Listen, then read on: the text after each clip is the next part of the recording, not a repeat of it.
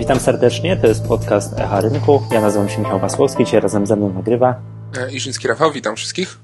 Cześć Rafał. E, no dzisiaj mamy kilka tematów. E, pierwszy temat na dzisiaj to jest taki, że wielkimi krokami zbliża się 31 lipca i wszystkim nam powinno się to kojarzyć jako czas tego, że możemy złożyć ostateczną deklarację, czy chcemy pozostać w OFE, czy chcemy oszczędzać, w cudzysłowie oszczędzać nasze nasze pieniądze na emeryturę w ZUS-ie.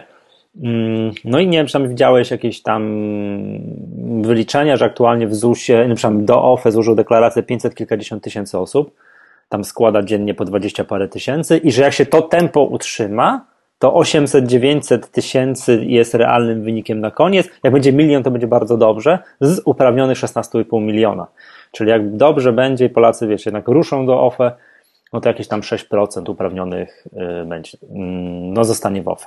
Z jednej strony to przeraża, e, z drugiej strony zawsze panuje ta opinia, że wszyscy Polacy robią wszystko na ostatnią chwilę, ale jak ja zobaczę puste ulice w Warszawie, a ty pewnie we Wrocławiu, bo to już pogoda no. rozpieszcza i wszyscy nad morzem, no to ta teoria z tym ostatnim rzutem na taśmę i teoretycznym przyrostem tych świadczeń, no to tak raczej upada. No tak, tak, wiesz co, jak ja zobaczę pustą ulicę 31 lipca, znaczy, że wszyscy są nad wodą, a nie... W ZUSie. A nie, a nie w ZUSie, tak. Niestety, bo to jest tak, e, oczywiście prawdą jest to, że Polacy, że w ogóle Polacy, wszyscy, ludzie, wszystko robią na ostatni moment, co pokazuje końcówka kwietnia, kiedy trzeba składać deklaracje podatkowe. No wiadomo, kiedy się Wzorowy przykład.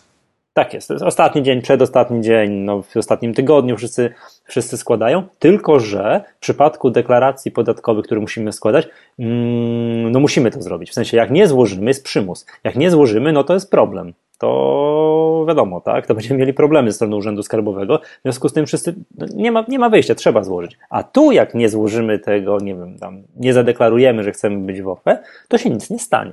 Obudzimy się 1 sierpnia i luzik, nie? Coś się zmieniło? Jakaś kara? Nie, nic.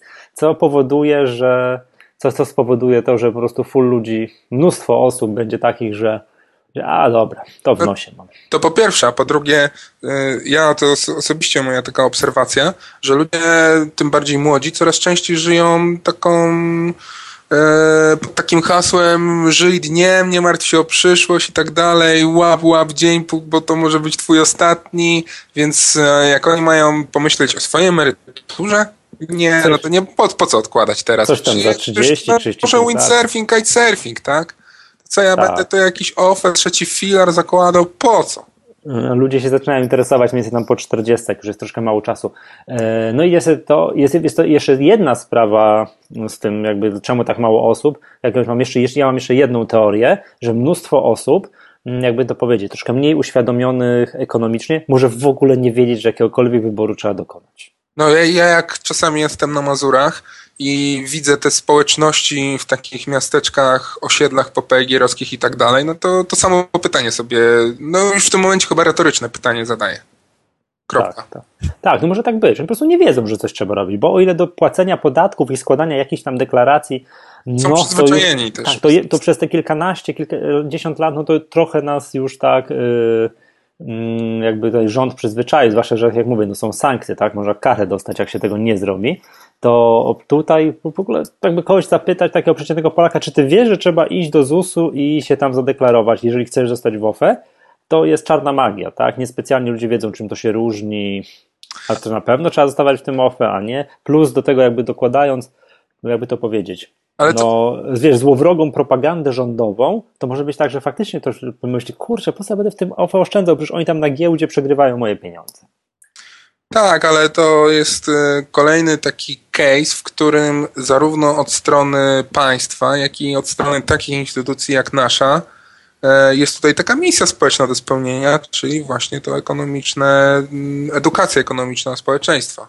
Jasne. Dobrze, Rafał, bo napisałeś taki krótki tekst do, u nas na stronie, tak? OFE czy ZUS. Powiedzmy tak, może w dwóch żołnierskich słowach. Komu zalecilibyśmy, mm, żeby jednak poszedł do tego ZUS-u i zadeklarował, że, że chce zostać w OFE, a komu byśmy już powiedzieli, że to już daj sobie spokój, to już wszystko jedno, już nie musisz nigdzie, nic robić, nie?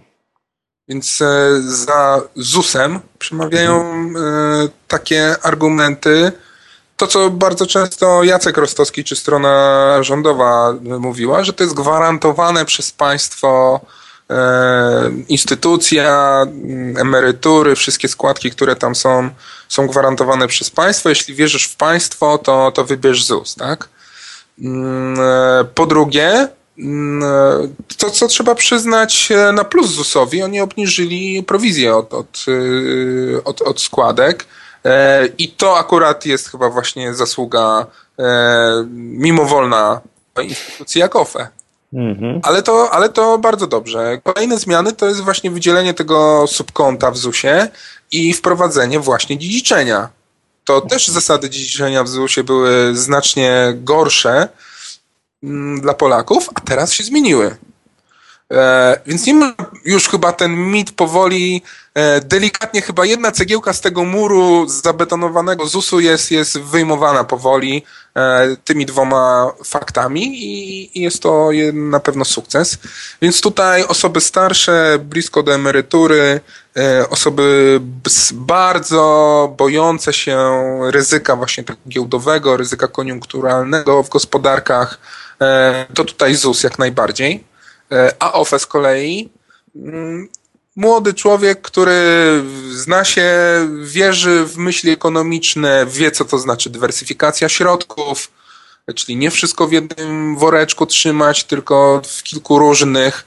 A mm, tutaj sama chęć e, pomocy gospodarce, bo te pieniądze jednak OFE fizycznie mm, inwestują e, w w znacznej części, w większości właśnie w polską gospodarkę i te pieniądze trafiające mhm. poprzez czy obligacje, czy emisję nowych akcji do spółek e, wpływają na ich rozwój, a rozwój polskich spółek to suma summarum większe wpływy potencjalnie do, do budżetu państwa, czy, czy większe, zwiększające się zatrudnienie i tak dalej, i tak dalej, więc tu pośrednio najbardziej bodziec jest, jest, jest duży OFE. I chyba mm, to jest dla mnie taki największy e, cios e, w gospodarkę poprzez likwidację przyszłą, która pewnie się wydarzy OFE, że właśnie te polskie przedsiębiorstwa innowacyjne e, z dobrą myślą technologiczną, no niestety w znacznym stopniu... Stracą fajne źródło, stracą fajne no. źródło takiego regularnego dofinansowania. Znaczy ja to podam jeszcze taki jakiś argument, nie wiem, no, przemawiający tak na, na korzyść OFE, że to mimo wszystko są realne pieniądze. Jak już wiesz, e, ci zarządzający pobiorą swoje, swoje prowizje, resztę przegrają na giełdzie, to to zostanie, to to są prawdziwe pieniądze, a w ZUS-ie, no jakby na to nie patrzeć, to jednak jest zapis w Excelu pana ministra Szczurka. Dokładnie. To jest, I... to jest problem. I wiesz, i tam wysokość naszej przyszłej emerytury de facto zależy od tego, jaka będzie koniunktura w Polsce, jak ja będę szedł na emeryturę, ty będziesz szedł na emeryturę. Bo gdyby nam się zdarzył jakiś nieprawdopodobny kryzys gospodarczy, ale taki już na serio, no to zawsze minister finansów rozłoży ręce i powie, no sorry, no nie mam, tak? Nie mam. Tak, tak i, i potencjalnie będzie e, ujemna waloryzacja, e, bo na przykład... E, znaczy brak waloryzacji, więc to będzie realna A ujemna, dlaczego ma nie tak? być ujemnej waloryzacji, jeżeli będzie PKB minus 4%? Na przykład, bo akurat się zdarzy jakiś case Argentyny, tak z lat... Na przykład. 90. Hiperinflacja i, i, i co? E, no, nie będzie ujemnej, tak, ale będzie waloryzacja znacznie mniejsza dodatnia niż, niż na przykład inflacja, tak? No to są no. rzeczy tych, tych spekulacji, co będzie za 30, 40 czy nawet 20 lat, to, to mnóstwo i byśmy mogli trzy odcinki nagrać po 30 minut podcastu, spekulując sobie o takich scenariuszach. Dlatego ja zawarłem taką puentę w tym krótkim tekście, to co wszyscy mówią, że własną emeryturę samemu, bo tak jak e, wyliczenia, na które się powołałem, że emerytura e, obecnie to będzie około 25% ostatniego wynagrodzenia. No tak, to stopa zastąpienia, teraz jakoś teraz ma się to zmieniać, czy to się zmienia, prawda? Tak jakoś w ogóle katastrofalnie, to niech ktoś sobie pomyśli, ile dzisiaj zarabia, podzieli to przez cztery i że w tych granicach no może weźmy, być jego emerytura... Weźmy nawet średnią krajową, tak? Ona jest tam ze 3800 brutto tam, tak? Jeśli dobrze tak, Tak, tak, to netto ile to jest? Ile tak na rękę? No powiedzmy, że 2800, tak? No to teraz podzielić przez 4, no to jest poniżej progu ubóstwa. No to jest tam z 700-750 zł. No czyli poniżej progu ubóstwa. No to Dokładnie, to, teraz, to teraz no. minimalna emerytura jest 840 czy 860 brutto. No. I teraz wyobraźmy sobie, że trzeba przejść za taką kwotę cały miesiąc. No eee, oczywiście tylko... weźmy pod uwagę inflację jeszcze, która będzie przez 20-30 lat, tak? Nie, nie, no tak, ale mówimy, wiesz, o jakby, wiesz, gdybyśmy tu i teraz, nie, taka sytuacja miała się wydarzyć, nie, no to wiesz, tam za 2800, no jakoś to jest okej, okay, nie, ale za cztery razy mniejszą kwotę, no to to jest, to, to nie da się. I, nie... Jeszcze, jeszcze musisz mieć tą gwarancję, że przez całe, że tak powiem, życie zarabiasz tą średnią krajową.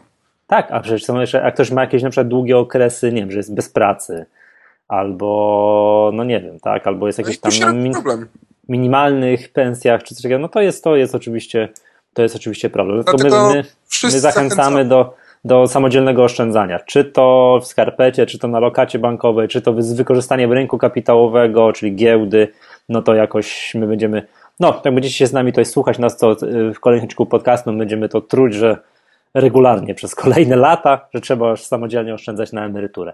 Dobra, E, no to chyba tyle, że pamiętajcie, to dzisiaj jest 15 lipca, dzisiaj to nagrywamy, zanim, zanim ja to wypuszczę odcinek, to jeszcze pewnie minie z jeden dzień.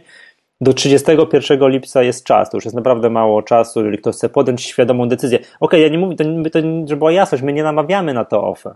To nie jest tak, że my mówimy, idźcie tam do tego OFE i tak dalej. To tak nie jest, ale przynajmniej poczytajcie argumenty za i przeciw, żeby podjąć świadomą decyzję. Że jak chcecie stać w ZUSie, niech to będzie świadoma decyzja. Jak chcecie iść do OFE, to to też niech będzie niech, niech będzie świadoma decyzja.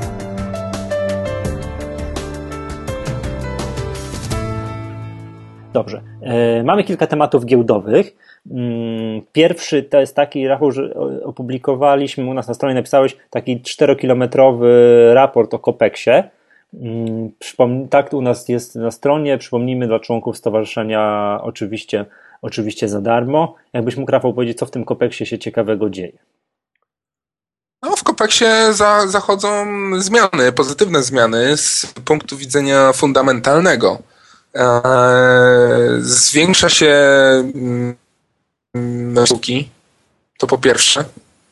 Po drugie, e, w grupie mm, kapitałowej, która jak się spojrzy na schemat, ile jest spółek zależnych, które są powiązane, to można, e, trzeba naprawdę użyć, użyć w lup, lupy w, Windowsie, żeby tam w ogóle dojrzeć tak. spółek, kto, która ma... To jest zaawansowana inżyniera finansowa tam. Co, która ma ile procent w spółce córce i tak dalej, i tak dalej.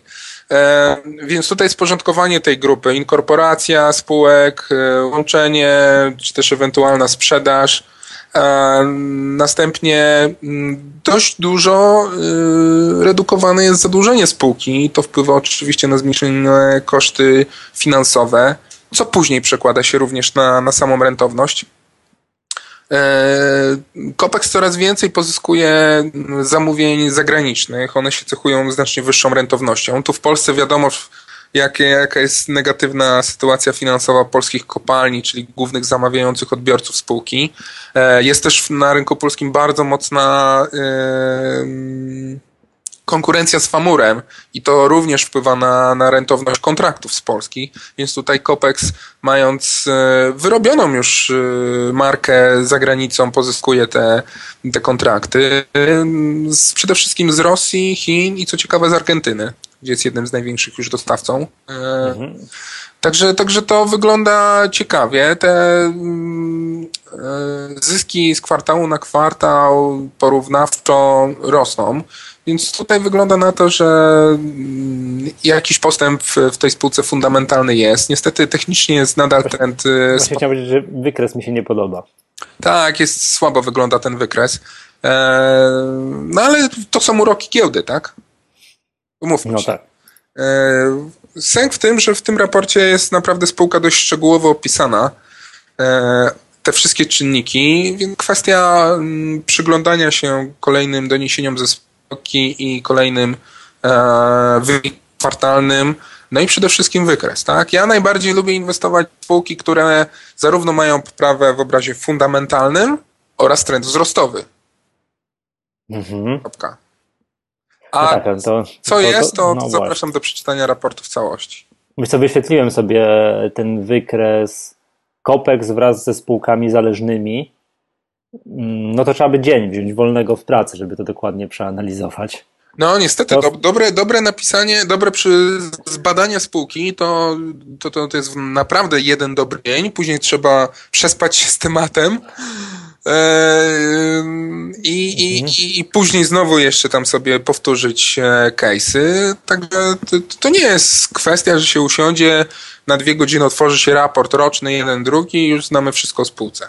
Tak, dlatego tym bardziej zachęcamy do przeczytania tego raportu, bo faktycznie samodzielna analiza takiej spółki jak Copex to jest trudna sprawa. To nie jest oczywisty biznes z punktu widzenia wiesz, inwestora indywidualnego, takiego, który wie na czym polega, nie wiem, działalność, jak to zawsze podkreślam, przeciętnego banku, tylko no, Copex ma taką działalność bardzo nietypową, taką, no, której przeciętny człowiek nie widzi na co dzień. W związku z tym, jakby w ogóle dowiedzenie się, co to robi, tak, i tak dalej, jak, jak to działa i tak dalej w tym całym biznesie no, związanym z, no, z, wydob tak, z wydob no, przemysł wydobywczy, to i samo, no, samodzielne dojście do tego jest bardzo trudne.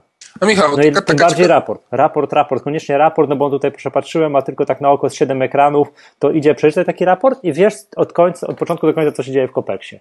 A taka, taka ciekawostka a propos Kopeksu, no.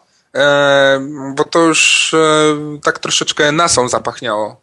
E, czy ty wiesz, że takie du duże, bardzo duże maszyny Kopeksu, mhm. bardzo drogie, które właśnie pracują Rosja, Chiny e, mhm. i, i tak dalej, i tak dalej, to sterowanie tych maszyn podgląd pod pracę, kamery, bo to są bezobsługowe, są w ogóle prowadzone tysiąc, tysiące kilometrów gdzie indziej, jest stanowisko, siedzi tutaj kilku e, osób w jakimś tam biurze i oni monitorują. Tu temperatura taka, tu trzeba się tam zrobić z tą maszyną to, tu jest przegrzanie, tu trzeba serwis zrobić i tak dalej, i tak dalej. To jest wszystko zdalne sterowanie jak dron już prawie. Tak? Tak już górnictwo nowoczesne wygląda. Tak jak drony, że dasz mu dron, to teraz ten co fakt ministra Sikorskiego nazwał, tak? To, to też taką koparkę można nasłać ministrowi Sikorskiemu do domu. Tak, Także... tylko że pod ziemią, tak z 1500 metrów. A to tak działa, tak? To są już tak, takie to tak maszyny. Tak działa. To, to już w ten sposób wygląda, więc e, no właśnie, no i standardowy inwestor indywidualny chyba raczej no nie jest świadomy, nie ma styku z taką technologią górniczą, tak? A już tak jest. No już tak jest. No ale, no dobra, no to wracając, że tak jeszcze raz, jeszcze raz spojrzałem też na wykres, wygląda fatalnie. No jest trend spadkowy, co tu dużo gadać, tak? To jest, to jest tutaj niewesoło, no ale to może, no to nic, zachęcamy do, do przeczytania raportu, tak? Bo to jest tutaj wszystko, wszystko od początku do końca napisane. Tak, wszystko u nas na stronie, tak w dziale edukacja i analizy, raporty analityczne i tam ostatnim raportem jest kontekst.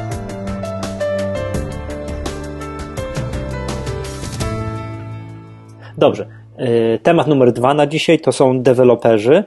E, no i teraz tak, przeczytałem znowu nowy fajny materiał na waszej stronie, takie podsumowanie sytuacji w branży deweloperskiej. Wydaje się, że całkiem niezłe półrocze branża deweloperska miała. Jeden biedny Gant się nie uratował. Nie, nie wylizał z kłopotów, no i tutaj we Wrocławiu jest głośna sprawa, bo Gant wybudował troszeczkę, wiesz, ja jeżdżąc po Wrocławiu widzę, ten budynek ma tab tabliczkę Gantt, ten tabliczkę Gantt tak dalej i, i jakby w tej atmosferze tego upadku Ganta my publikujemy tekst, że jest przyzwoite półrocze w branży deweloperskiej. No, mnie najbardziej e, nie rozśmieszyła, taki uśmiech na twarzy mi się pojawił, chyba sarkastyczny. No, Gant był znany z tego, że on bardzo dużo emitował obligacji, tak? Mhm. Jedna z Miałem pionierskich, obligacje Ganta. pionierskich tak, tak, spółek, które nawet w radiu były reklamy, zainwestuj w obligacje Ganta i tak dalej, więc tam były setki milionów złotych, zarówno do inwestorów indywidualnych, jak i do instytucji. E, I teraz czytam jakieś tam doniesienia w prasie, że nie wiadomo, gdzie te pieniądze są w ogóle teraz. Spółka miała tam kapitału własnych, e, aktywa netto, czyli te nieobciążone zadłużeniem, to też były, jeśli dobrze pamiętam, setki milionów złotych, więc wszyscy tam Ale mówili, te no aktywa no, to w niesprzedanych No właśnie, to były takie jednak wydmuszkowate te aktywa, jak się teraz okazuje, że teraz nagle nawet nie ma pieniędzy na funkcjonowanie samej, samej, samego zarządu, tak? Czy tam upadłej spółki, że spółka nie ma pieniędzy na własną likwidację. A jeszcze rok temu setki milionów złotych aktywa netto.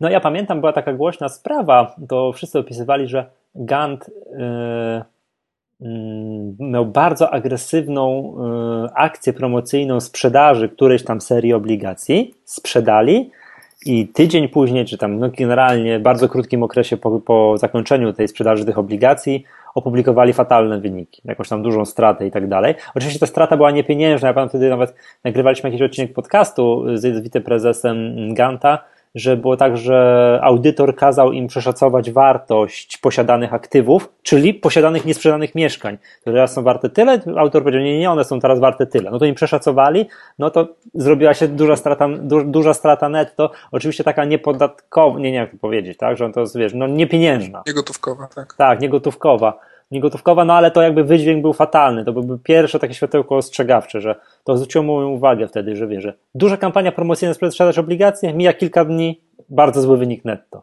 Wiesz, no to jest.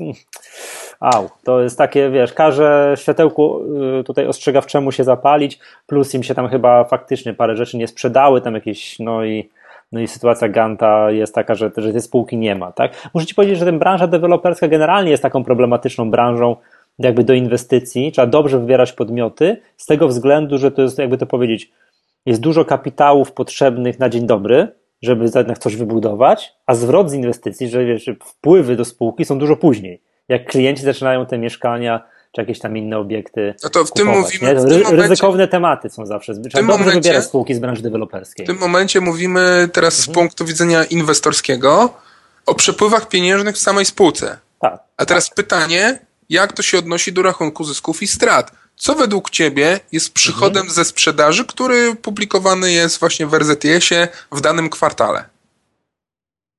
Yy, nie wiem. Wie, wiem tylko, że to się bardzo skomplikowanie w branży deweloperskiej liczy. No Kojarzę tylko, że to jest tak, że nawet jak oni sprzedadzą coś za, za gotówkę, to i tak to trzeba rozkładać na ileś tam okresów, że to jest bardzo skomplikowane w branży deweloperskiej. To nie jest takie oczywiste, że jak, że jak sprzedaż marchewki. Że jak sprzedasz marchewkę, masz wpływ, to masz wpływ. Nie? To tak, to tak na pewno tak nie działa, nie? No to y, kilka lat temu było właśnie uporządkowanie w cudzysłowie tej sytuacji, bo poprzednio mieliśmy właśnie te mm, etapy jeszcze Hossy 2006, 7, 8, mhm ja dokładnie nie pamiętam, w którym roku było przejście tych zasad rachunkowości, ale w poprzednio mieliśmy w ten sposób, że przychody i koszty były yy, zaksięgowywane co do zaawansowania etapu danego projektu. Czyli nieważne, yy, znaczy mała, mała była, yy, mało ważne było, ile masz tam rezerwacji czy sprzedaży, ważne było, głównie ważne było, pięter jak, bloku masz, wybudowały. Tak, dokładnie. I czy, czy no. wykończyłeś i tak dalej. I tu było księgowane przychody i koszty. No to raczej słabo, tak? A teraz tak. jest w drugą stronę e, zbyt mocno to mm, przesunięte z punktu widzenia księgowości, bo e, deweloperzy, to co my pokazaliśmy w tym zestawieniu w newsroomie, w artykule, e, podaliśmy, ile dany deweloper sprzedał w, w pierwszym kwartale i w pierwszym półroczu versus poprzedni rok, tak? ale to w ogóle nie ma wpływu na później publikowane przychody ze sprzedaży czy zyski. E, ja tutaj przeczytam notkę w jaki sposób, notkę z raportu. Znaczy, przepraszam cię, nie, dobrze rozumiem, to ma to nie ma, ma, ma, ma znaczenie tylko na cash flow, ale nie na później na publikowany no też, też zysk cash, netto. Też nie na cash flow jeszcze. Dlaczego? No co, to, co to jest według ciebie pojęcie deweloper X sprzedał na przykład 100 mieszkań? Czy no to... on ma cash flow w momencie sprzedaży? Yy, pewnie nie, bo też ma w umowach no z klientami, ma to tam rozczłonkowane Najpierw w zależności jest zadatek, od... później coś Tak, tam. pierwsze piętro, pierwsza rata, drugie piętro, druga rata i tak dalej, i tak dalej. Czasami tak, to oczywiście każdy deweloper ma inne umowy i inaczej to specyfikuje, jaki procent całości wartości mieszkania w którym momencie na osi czasu będzie wpłacony, tak? Mhm. E, sprzedaż, no to to jest podpisanie umowy kupna-sprzedaży, tak? Są też rezerwacje, ale też jest później umowa kupna-sprzedaży, a płatność jest właśnie określona w jakich terminach. To jest tak, jak wystawiasz fakturę, to w momencie wystawienia faktury masz w większości sytuacji przychód, a cashflow masz w momencie zapadalności faktury, tak? A jeszcze tak. masz przeterminowane albo przed czasem, czasami, tak? I tak dalej, i tak dalej. No to Tutaj w tym momencie jak branża deweloperska jest, jest skomplikowana do analizy. Tak. Tak. A w tym momencie e, rozpoznanie przychodu jest w, w momencie wydania nieruchomości kupującemu na podstawie podpisanego przez dwie strony, sprzedawcy i kupującego, protokołu odbioru pod warunkiem, że yy, ten, który kupuje mieszkanie, wpłacił już 100% kasy. Aha, i wtedy czyli możemy masz odbiór w rachunku mieszkania, przekazanie. rozpoznać przychód. Czyli tak, to, czyli deweloperzy w większości używają terminologii przekazanie mieszkania. Jest najpierw sprzedaż, a później przekazanie. No to najczęściej. tak. I to przekazanie najczęściej e, pokazuje ile mieszkań zostało zaksięgowanych w danym kwartale, a sprzedaż Dobra. jest zupełnie inna. Dobra, po kolei tutaj z tego wykresu. Dom development, patrzę po wykresach. Bardzo ładnie wygląda. Chociaż jest yy, głowa z ramionami na wykresie, no ale co do zasady mamy fło, z dwa lata trend wzrostowy. Jest. Tak, super. Robyk. Piękny trend wzrostowy od trzech lat. Mhm. Dobra. Polnord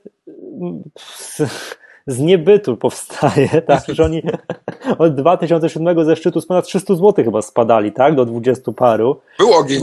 Był ogień, tak, więc, więc chyba przełamanie jakiegoś takiego wielo, wieloletniego trendu spadkowego, no chociaż tak, no ale to Polnord to jest yy, to jest Krause, tak? Ja dobrze kojarzę. Zgadza się, Prokom. No to, to jest tak. A on ma coś jeszcze w Polnordzie? No, Bo on tam pozbywał się wszystkiego różnych tam...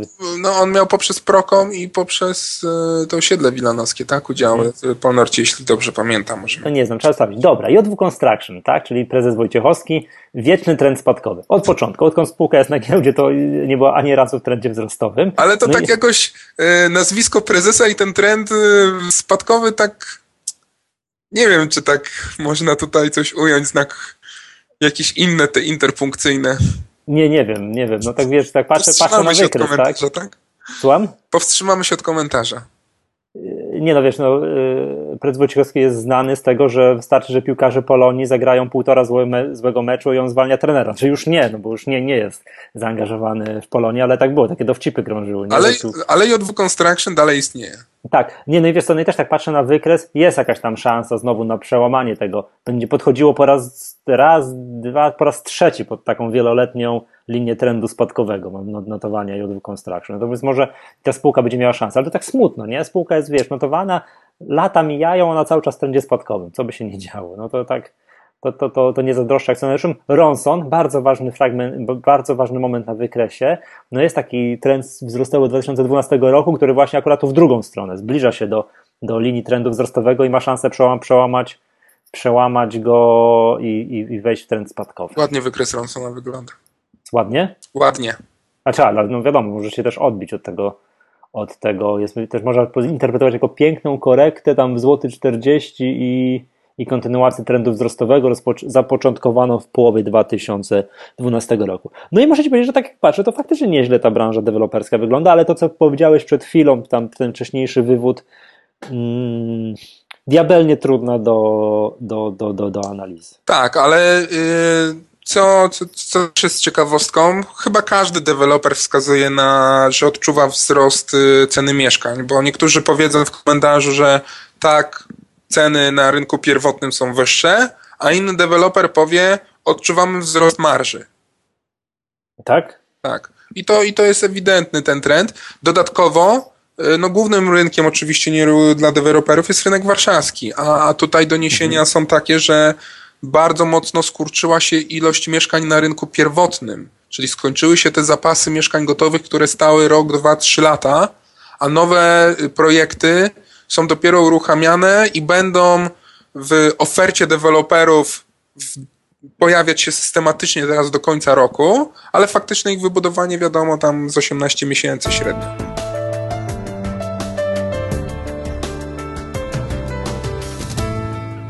Mhm, dobra, okej. I y, proponuję przejść do ostatniego tematu y, na dzisiaj, czyli, czyli, czyli, czyli słów kilka o KGHM-ie, który no co tu dużo gadać, w bardzo ładnym trendzie wzrostowym jest. Mimo bardzo niskiej dywidendy, stopy dywidendy, mimo e, olbrzymiego podatku od e, kopalin, e, mimo niewielkiego wzrostu ceny miedzi, to KGHM nagle rośnie. Mhm. W ogóle tak. zaburzył całą myśl co do trendów wzrostowych czy spadkowych na KGHM-ie teraz. Tak, tak, właśnie. No tak. Chciałem właśnie popisać się, wymienić wszystkie trzy czynniki, o których mówiłeś, że że cena miedzi jest niska, stopa dywidendy taka, że tak jest niesmaczony, ponieważ w ogóle wypłacana w dwóch transzach. To w ogóle 5 zł w dwóch transzach to po prostu wstyd. I, i jest, mamy trend wzrostowy na KGHM. I dlaczego? No KGHM co? bardzo mocno inwestuje za granicą. Zaciągnęli ten olbrzymi kredyt teraz w dolarach. Mhm. Tak. Eee, ale... Ile tam 2,5 miliarda czy 3,5 tak. miliarda? 2,5 chyba dobrze. 2,5. E, no ale to w przeliczeniu na złotówki to już taka istotna kwota jak na polskie firmy. 7,5 miliarda złotych, no to to jest moc, nie? To jest bardzo dużo. Już, już się dzieje, tak? No ale podatek trzeba płacić, tak? E, ale ten bardzo taki mm, atrakcyjny, dużo wartościowy program inwestycji zagranicznych e, no tutaj mm, może być bardzo mocnym argumentem do tego, co mówił przedstawiciel zarządu KGHM-u na konferencji Wall Street. On tutaj wskazywał, że spółka, zarząd yy, przeprowadziła roadshow yy, Londyn, te inne centra, bardzo dużo spotkań z przeróżnymi funduszami yy, i celem tego roadshow było zainteresowanie funduszy inwestorów instytucjonalnych, które są akurat wyspecjalizowane w inwestowaniu w branżę taką właśnie surowcową, którzy te fundusze, te podmioty, jak to przedstawiciel zarządu opowiadał, znają się znacznie lepiej od innych, w jaki sposób e, wyceniać te spółki. E, I też celem właśnie roadshowu było, e, było mm, właśnie tak jakby ciężko powiedzieć, że zmiana struktury akcjonariatu, tak? Ale właśnie pokazanie, że istnieje taki GHM, chociaż pewnie i tak wszyscy wiedzieli, ale to jest takie przybliżenie, no jak już sam zarząd jedzie na roadshow, żeby się spotkać, no to jeszcze bardziej zwraca na siebie uwagę i te fundusze, które pewnie nigdy prezesa GGHM-u ani innego członka zarządu nie widziały na oczy, e, nie wiem, czy są jakieś e, spotkania online, e, open, worldwide, no, ale... GGHM jest za dużą firmą, żeby Pewnie tak, ale no co innego jest pogadać face to face, a co innego jest gdzieś tam online, e, siedząc na Seszelach, tak? A tak to już ściśnięcie ręki, e, rozmowy zakulisowe i tak dalej. To jest zupełnie co innego, sam widzę zresztą e, po sobie. Mm, I e, zarządy dużo przyjeżdżają do ciebie do domu rozmawiać. No, mam nadzieję, że kiedyś e, to tak będzie, a to będzie oczywiście bardzo atrakcyjne później przełożenie na wartość merytoryczną dla naszych e, członków, tak? tak Bo ja to później to... opakuję w tekst, w podcast i, i wszyscy nagle będą wszystko wiedzieli o tych spółkach. Jasne, wiesz co, z tym KGHM to mi się cały czas kojarzy, mam tu dźwięczy mi w uszach, tam gdzieś słowa prezesa Wirta, którzy tam w parkiecie były, że było, że przyszłość KGHM, to chyba mówiliśmy już w zeszłym odcinku, że przyszłość KGHM-u to de facto jest mm, KGHM International. Oczywiście. Y, że polski KGHM, to co tu się dzieje w Polsce, ten podatek od kopalin skutecznie e, tej złotej kurze tam, jak to się, no, no nieważne, tak? Może to jest małe zarażnięcie tej złotej kury, zdążącej złote jajka, a że wszystko, co to jest właśnie, to, to jest to, wiesz, Kanada, czy Quadra, Fix, to teraz kopalnia w Chile, która jest podobno na ostatniej prostej i już jeszcze w te wakacje już ma zacząć rozpocząć przychody, nie tylko wydobycie i już ma pierwsza sprzedaż z tej kopalni ma się, ma, ma się uruchomić. No i też jakby ten roadshow, o którym ty mówiłeś, też są w planach, też, też dźwięczą mi słowa o tym, że upublicznienie KGHM International albo w Londynie, albo w Toronto. To, to, to, kojarzę i w Toronto dlatego, a nie tam, nie wiem, nie na przykład na Nasdaqu, czy tam, nie wiem, w Nowym Jorku, albo gdzieś tam, nie wiem, gdzie indziej, że tam jest dużo spółek mm, tego typu, Dokładnie. wydobywczych, dużych, takich ogólnomarek światowych i tam analitycy, tam są te fundusze, które wiedzą, jak to analizować. To jest właśnie ten rynek, w którym wiesz, jest dużo takich podmiotów notowanych, to jest to centrum, światowe centrum, gdzie te spółki wydobywcze są notowane i tam są inwestorzy, którzy, którzy wiedzą, z czym to się je. I teraz jest właśnie największy test dla e, zarządu KGHM-u, czy to, mm, mówiąc e, tak językiem ulicy, ogarnie ten cały wojaż międzynarodowy. No wiadomo, to jest, no ale to tam nie przez... No, to... Znasz, znasz wielką polską spółkę, która prowadzi skutecznie od wielu, wielu lat z sukcesem? Yy, Inwestycje zagraniczne? Nie. No bo chyba nie możejki. Nie, nie, nie. Właśnie chciałem... To był dobry dowcip. No więc nie tutaj znam, mamy. Nie znam i przepraszam, i gdyby KGHM nie miał tej kilka lat, o dużo, wiele lat temu wpadki w Kongo, to bym powiedział KGHM. No właśnie, ale, no, ale, oni, ale, ale, mieli wpadkę w Kongo, tylko że to jest tak, że gdzieś tam też, też z kolei Yy, pamiętam jakieś wypowiedź przedstawicieli KGHM znowu sprzed lat, że spółka tego typu jak KGHM musi, po prostu musi ileś procent kapitału, jakby zysku przeznaczać na tego typu, wiesz, e, prace wydobywcze, badawcze, poszukiwawcze na całym świecie, żeby tak regularnie pozyskiwać nowe, nowe źródła przychodu. To jest identyczny case jak w przypadku spółek wydobywczych paliwowych. Takich, że wiesz, że tam. Petroinvest?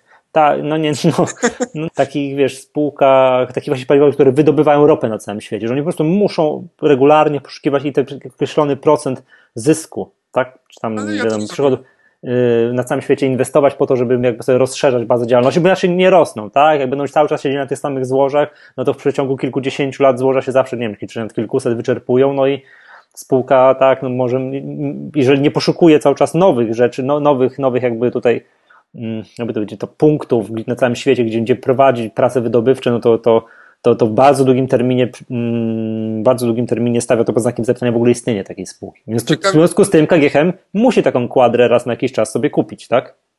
Bardzo, bardzo ciekawych czasach znowu żyjemy, możemy to powiedzieć, bo ekspansja zagraniczna tych polskich e, czasami można użyć pojęcia monopolistów krajowych, tak? Mhm. Ale mamy y, azoty, bardzo mocno zagraniczne inwestycje. Lotos.